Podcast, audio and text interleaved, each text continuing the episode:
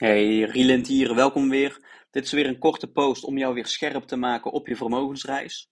Uh, de content bestaat voornamelijk uit beleggen, personal finance en business. Iedere zaterdagochtend en deze editie die duurt minder dan drie minuten om door te nemen, dus veel plezier.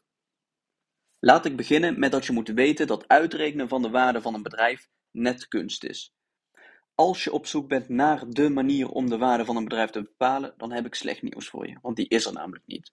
Waarom zeg ik kunst? Nou, omdat het afhangt van hoeveel iemand voor een bedrijf wil betalen. Even een voorbeeldje. Een flesje Spa Blauw in de Appie kost een euro. Maar ga je naar een festival, nou dan ben je al 5, 6 euro kwijt voor precies hetzelfde flesje. Waarom zit er zo'n groot verschil in, kun je dan afvragen? Nou, dat is de waarde. Iemand op een festival die hecht veel meer waarde aan een flesje water en het festival speelt daar heel handig op in. Waarde wordt dus beïnvloed door ons gedrag en de context waarin het afspeelt. In deze mailset focus ik op twee methodes om de waarde van een bedrijf uit te rekenen. Deze mail heb ik in tweeën gedeeld. Uh, deze week doen we de vergelijkbare bedrijven vergelijken. En volgende week doen we de discounted cashflow methode. Daarnaast is het belangrijk om te weten dat wanneer je bedrijven hun waarde beoordeelt, er iets is als een waarde multiple. Een voorbeeldje. Tesla is uh, 1000 uh, miljard waard. Uh, en de omzet voor het afgelopen jaar was 50 miljard.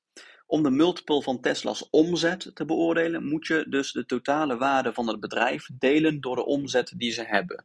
Je krijgt dan 1000 gedeeld door 50 is 20. 20 is dan die omzetmultiple. Uh, uh, wat wel belangrijk is, is dat deze multiple uh, van de afgelopen 12 maanden is. Multiples kun je voor verschillende resultaten gebruiken. Een aantal voorbeelden hiervan zijn de revenues, dat is de omzet, de EBITDA, de earnings, dit zijn de winsten. En nu je dat weet, kunnen we ook weer teruggaan naar de methode op basis van vergelijkbare bedrijven vergelijken om de waarde van een bedrijf uit te rekenen. Met deze methode kijk je naar de markt. Je berekent de waardemultiples van bedrijven die 1. in dezelfde sector actief zijn, twee dezelfde soorten klanten hebben en drie dezelfde grote bedrijf zijn. Even een voorbeeld. Uh, waarschijnlijk ben je bekend met de woningmarkt in Nederland. Uh, want ik probeer het even duidelijk te maken met zo'n voorbeeld. Um, waarbij je een huis probeert te verkopen. Nou, hoe weet je nou voor hoeveel je hem moet verkopen? Waarschijnlijk ga je kijken naar hoeveel vergelijkbare huizen in jouw straat te koop worden gezet. Nou, afhankelijk van deze prijzen maak je een beslissing over de verkoopsom van jouw huis. De methode van vergelijkbare bedrijven vergelijken werkt ook op die manier. Je rekent de waardemultiples uit voor soortgelijke bedrijven. Je doet dat door middel van de volgende stappen. 1. Je zoekt meerdere soortgelijke bedrijven die ook op de beurs actief zijn. Anders kun je niet appels met appels vergelijken. Uh, je zoekt de totale market cap van deze bedrijven op. Uh, als je via Yahoo Finance zoekt, dan staat er letterlijk market cap. Dus heel handig om te vinden. En anders zoek je het op Google.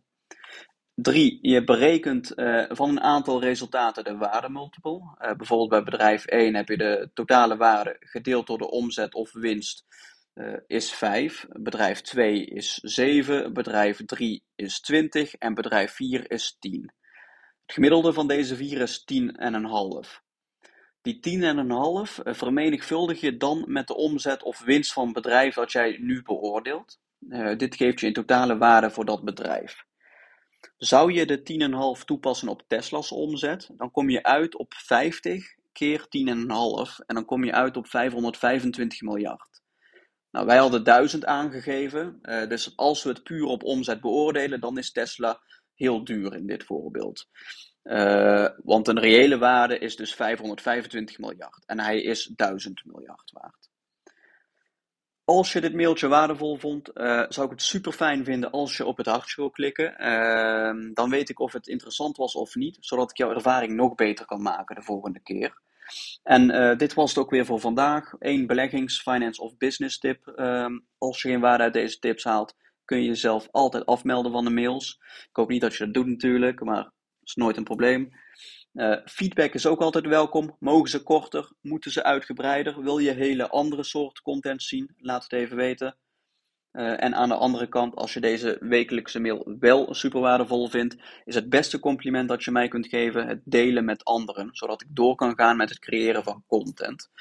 Uh, ik zie je de volgende, volgende week weer. Ehm, tot dan.